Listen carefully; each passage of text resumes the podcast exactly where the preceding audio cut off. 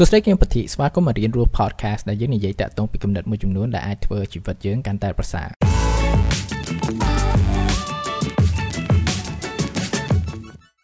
សួស្តីម្ដងទៀតស្វាគមន៍មកអេបសូតថ្មីហើយថ្ងៃនេះដែរខ្ញុំចង់ចែកម្លែកតាក់ទងពីដំបូន្មានហើយយើងនៅក្នុងសង្គមមួយដែលថាយើងឲ្យតម្លៃដំបូន្មានច្រើនមែនតើព្រោះថាយើងតែងតែឃើញដំបូន្មានមួយចំនួនដូចទីហៅថា follow your passion uh follow your dream ឬក៏ money cannot buy happiness ឡើងឡើងហើយខ្ញុំមិនមែននិយាយថាអូខេយើងអត់គួរប៉ុន្តែ យើងគួរតែគិតវិនិច្ឆ័យឲ្យច្បាស់លាស់ព្រោះថាវាជាដំបូន្មានដោយសារអីវាគ្រាន់តែជាមតិមួយ ដែលយើងភាគច្រើនគិតថាល្អអញ្ចឹងក៏វាចាត់ទុកថាជាដំបូន្មានមួយទៅដំបូន្មានគឺគ្រាន់តែជាដំបូន្មានដំបូន្មានគឺគ្រាន់តែជាមតិហើយដោយសារតែវាជាមតិវាមិនមែនជា truth វាមិនជាអ្វីមួយដែលពិតគ្រប់រហូតទេ ដោយសារវាមិនមែនជាអ្វីមួយដែលពិតវាមិនមែនជាអ្វីមួយដែលវា parallel ជាមួយនឹង science ដែរហើយនេះជាអ្វីមួយដែលយើងគួរតែគិតបើសិនបើវាមិនមែនជាអ្វីមួយដែលពិតរហូតដែលវិទ្យាសាស្ត្រអាចនិយាយបានថានេះជាអ្វីមួយដែលពិតណាចឹងមានថាវាអាចមានឱកាសថាវាជាអ្វីមួយដែលខុសនៅក្នុងកលតិស័កមួយចំនួនចឹងបើសិនបើយើងយកដំបូងមានមនុស្សម្នាក់ហើយយើងយកមកប្រើប្រើប្រើដល់អត់គិតណានេះគឺជាអ្វីមួយដែលថា dangerous មែនតើគឺហានិភ័យទៅហ្មងនេះជាឧទាហរណ៍មួយចំនួនដែលថាយើងអាចយកមកគិតវិភាគទាំងអស់គ្នាឧទាហរណ៍ទី1អឺយើងតែងតែលើគេនិយាយថាលុយមិនអាចទិញសុភមង្គលបានទេហើយបើយើងមើលទៅគឺវាជាអ្វីមួយដែលថាវាអាចត្រូវមែនព្រោះថានៅក្នុងជីវិតយើងគឺថាតាក់ទងពីសុភមង្គលភាពរីករាយរបស់មនុស្សម្នាក់ទៅមនុស្សម្នាក់វាខុសគ្នាហើយវាមានអ្វីច្រើនដែលថាយើងអាចទិញបានទេដូចឧទាហរណ៍ថា ប៉ះសិនបើយើងបាត់បង់មនុស្សម្នាក់លុយប្រហែលប្រហែលជាតិអាចធ្វើឲ្យមនុស្សម្នាក់នឹងកើតឡើងវិញទេប៉ះសិនបើមនុស្សម្នាក់នឹងគាត់ទៅបាត់ហើយហើយទីហោមួយទៀតគឺថាយើងអាចមានបញ្ហាសុខភាពមួយចំនួនដែលពេទ្យហើយមួយបច្ចេកវិទ្យាគេអត់មានអ្វីគ្រប់គ្រាន់ដើម្បីព្យាបាលជំងឺហ្នឹងព្រោះថាវាអាចជាជំងឺមួយដែលថ្មីវាអាចជាមហារីកដល់កម្រិតមួយថាអត់អាចព្យាបាលបានអញ្ចឹងយើងមានលុយប្រហែលក៏យើងអាចព្យាបាលវាបានដែរយើងអាចទិញ ជីវិតមកវិញទេពេលដែលវាបានបាត់បង់ហើយចឹងថាបើយើងមើលតាក់ទងពី perspective ហ្នឹងវាត្រូវធ្វើហើយប៉ុន្តែក៏វាអាចមានកលៈទេសៈមួយចំនួនដែរថាលុយអាចទិញសុភមង្គលបាន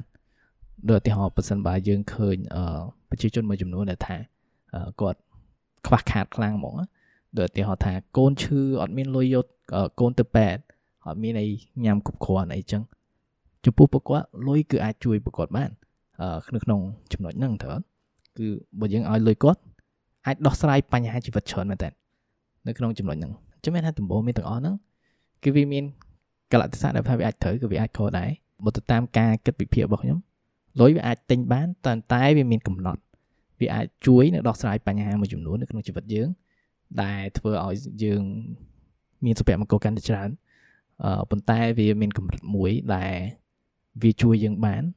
ហើយលើសពីនឹងទៀតគឺថាវាអាច នឹងជួយយើងបានទេឧទាហរណ៍ទី2គឺថាយើងត្រូវធ្វើការខំប្រឹងឲ្យខ្លាំងយើងត្រូវ work hard បើសិនបើយើងចង់ជោគជ័យ okay valid ព្រោះយូរយើងមើលទៅគឺថា okay អ្នកដែលជោគជ័យនៅលើពិភពលោកអ្នកដែលជោគជ័យដែលថាយើងមើលឃើញនៅក្នុង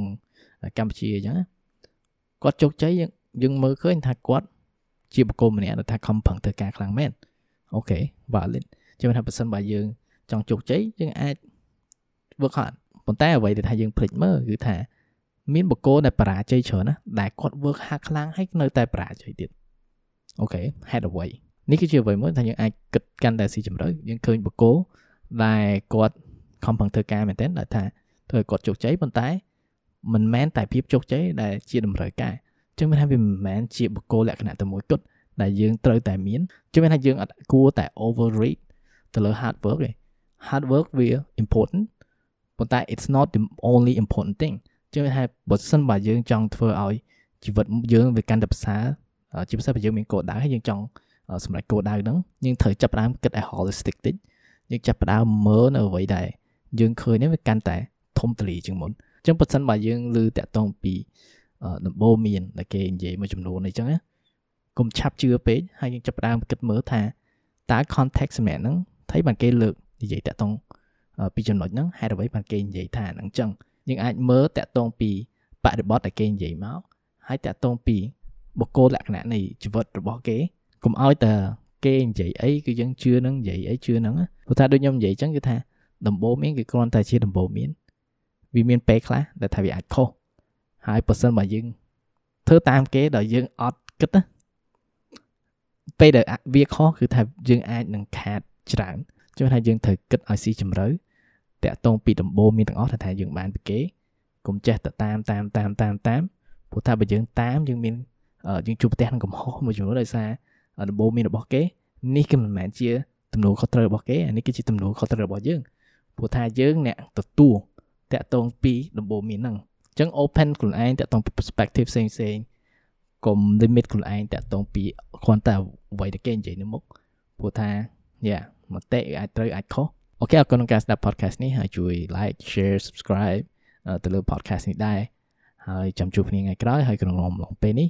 អភិវឌ្ឍខ្លួនជានិច្ច bye bye